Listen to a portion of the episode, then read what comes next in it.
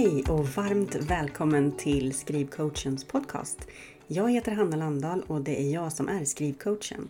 Men jag hjälper inte bara andra att nå sina skrivdrömmar. Jag är också författare själv och jag har skrivit hela tio böcker för barn, unga och vuxna. Och det här, det är podden för dig som skriver berättelser.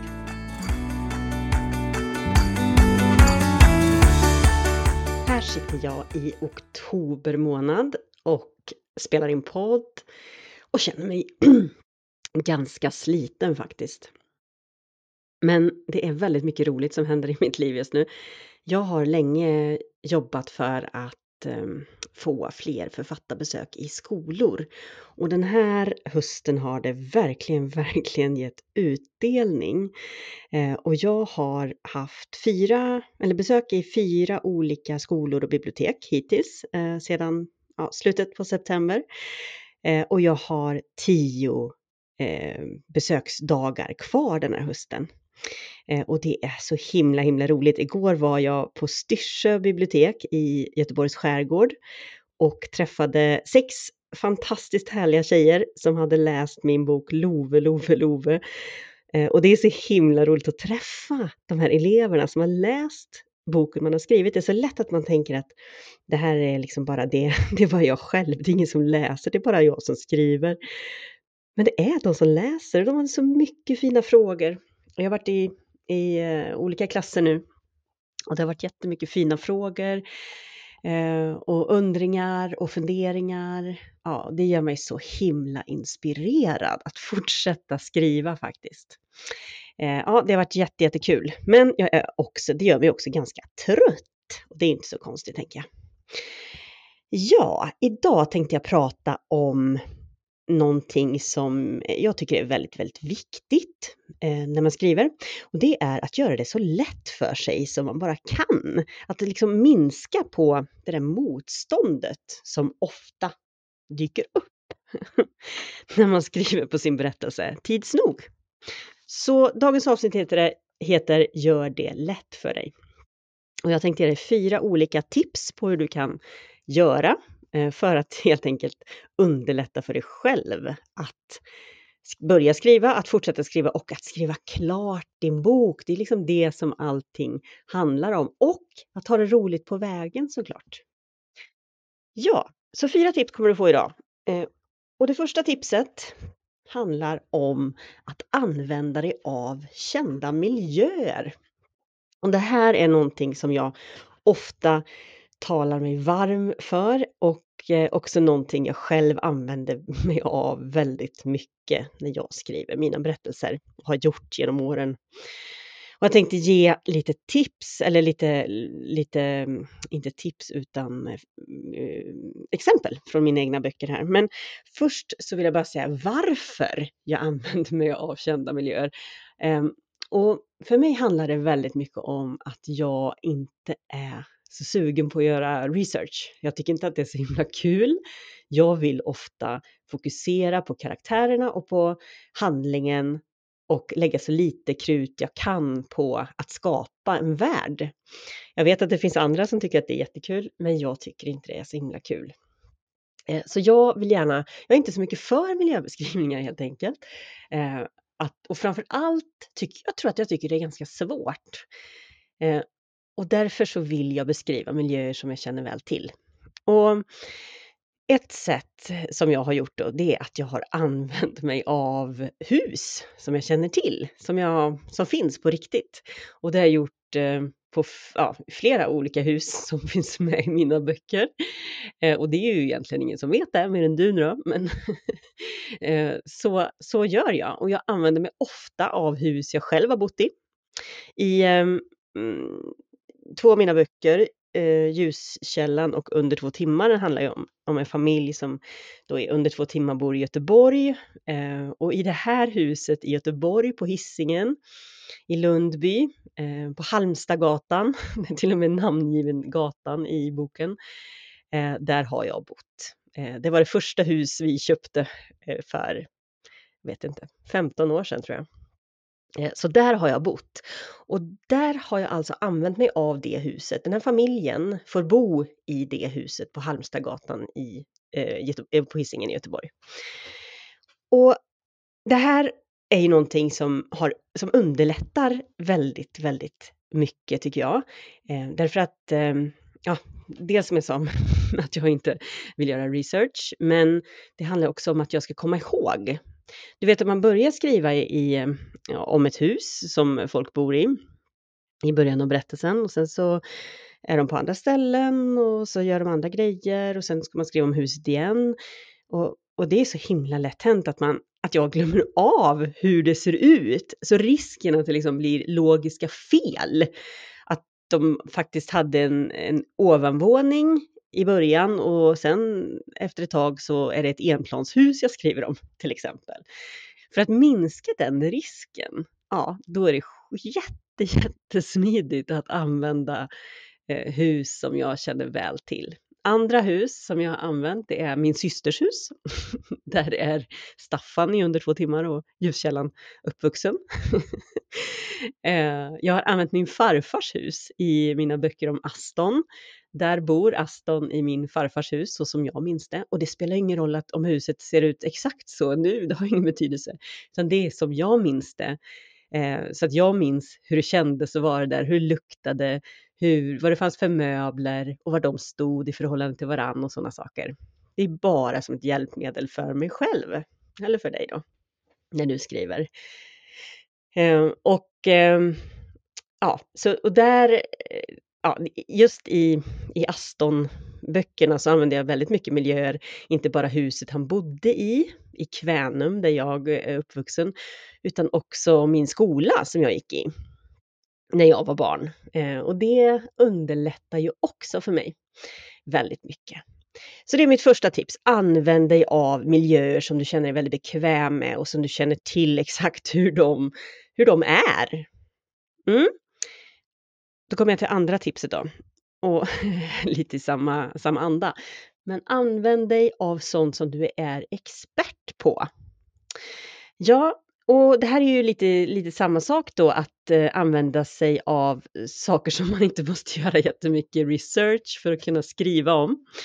Eh, och det är ju liksom, ja, helt enkelt för att göra det lätt för sig. Och jag har gjort det här, jag tänkte ge lite exempel också här då. Eh, bland annat i Love, Love, Love så håller Kimmy, som boken handlar om, hon är en duktig friidrottare och eh, det har jag ju valt därför att jag höll på med friidrott när jag var ung. Eh, och eh, det gör ju då att jag kan, eh, jag vet hur en friidrottsträning går till. Eh, jag vet vad man har för drömmar och mål och förhoppningar när man håller på med friidrott och är ung. Vad det är för tävlingar man vill vinna. Eh, varför man håller på med det där, varför man håller på att tävla hela tiden.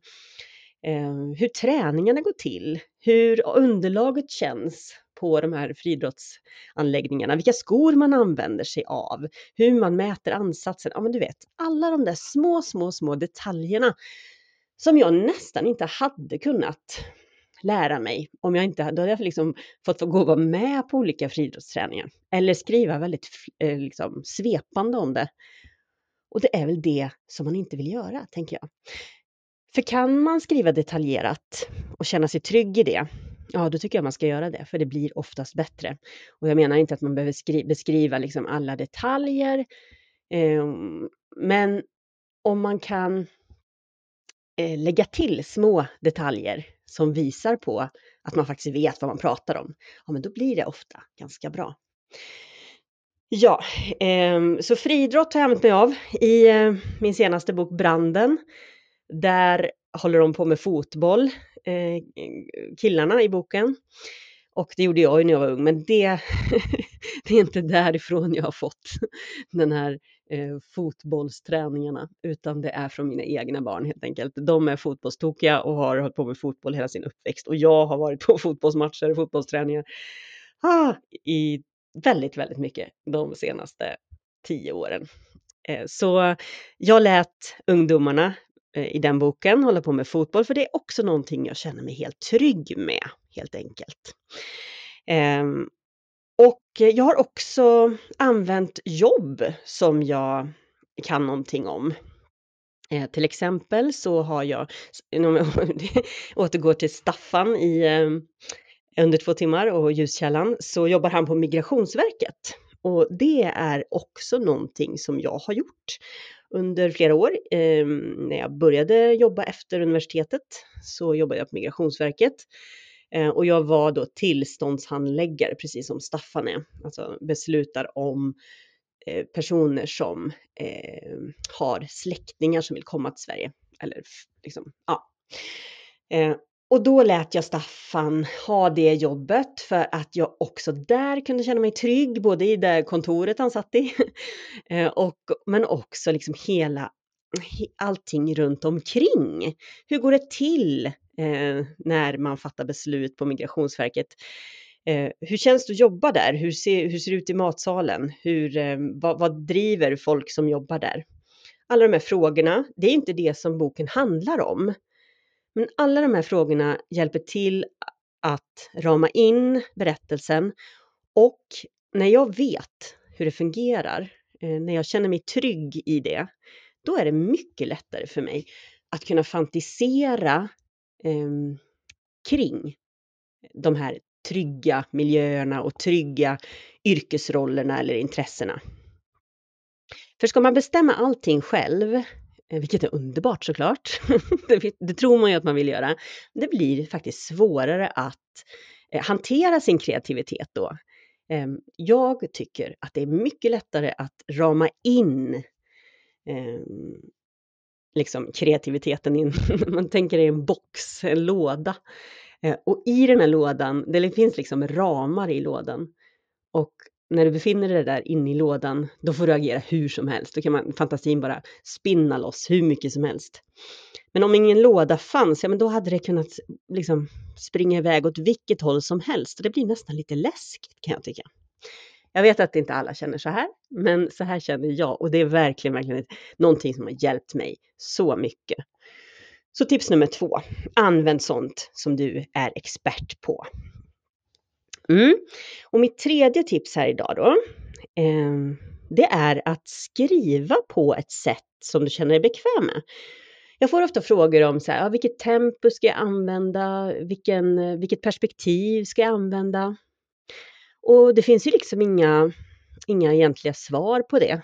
Eh, det finns ju inget så här, det här är bättre, det här är sämre. Ska jag använda första person? Ska jag använda tredje person? Ska, ska jag skriva i dåtid eller nutid? Ska jag, ska jag skriva i brevform? Det kanske inte är bra att skriva till en bok i brevformen. Ja, du fattar. Um, och för mig, jag, jag vill verkligen rekommendera dig att, att välja det sätt att skriva på, alltså välja det tempus eh, som passar dig bäst, som kommer naturligt för dig.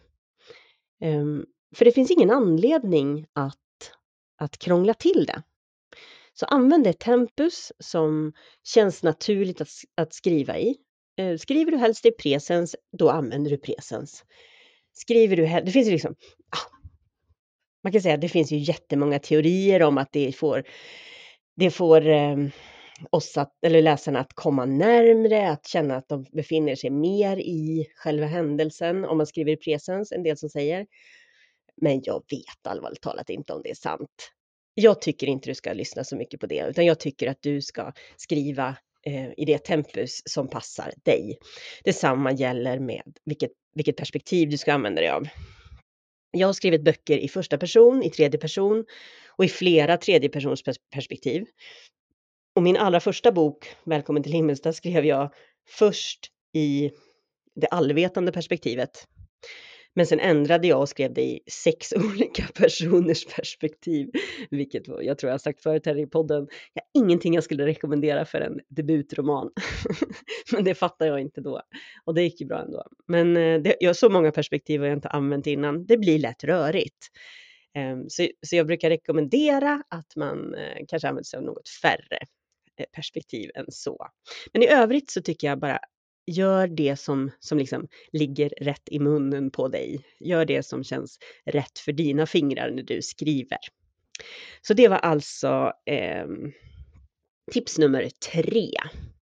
Så nu har vi haft tre tips. Det första, använd dig av kända miljöer när du skriver och använd dig av sånt du är expert på. Och nu då, skriv på ett sätt som du känner dig bekväm med. Och det fjärde tipset jag har idag, det är skriv om någonting som verkligen ligger dig varmt om hjärtat. Ja, och det är ju lätt. Jag har återkommit till det, eller jag återkommer till det här ganska ofta, att det är lätt att, att gå efter vad som står i ehm, ja, bästsäljarhyllan i bokhandeln eller på Adlibris. Eh, när man väljer vad man ska skriva om. Eh, eller att ha någon så här, ja, nu verkar det vara så att man vill, eh, folk vill, eller förlagen vill ha, ehm, ja, låt säga feelgood-böcker med tre olika perspektiv. Och så skriver man det. Och jag tänker så här, eh, när man ska, det bästa sättet att bli klar med sin bok, det största liksom hindret som finns, det är ju att man inte återkommer till tangenterna. Att man inte längre är intresserad av sin berättelse. Det är liksom den största risken eh, som du har att tampas mot när du ska skriva klart din berättelse. För visst kan det vara så att i början känns det som att, att allting är frid och fröjd och du kommer aldrig vilja sluta skriva. Men av min erfarenhet så kan jag säga att när eh, man kommer lite längre fram ja men då blir det lite svårare. Så kan man väl säga. Det blir ofta lite svårare för att man behöver få ihop allting. Eh, och det blir också kanske lite tråkigare för att man har redan lärt känna karaktärerna väl.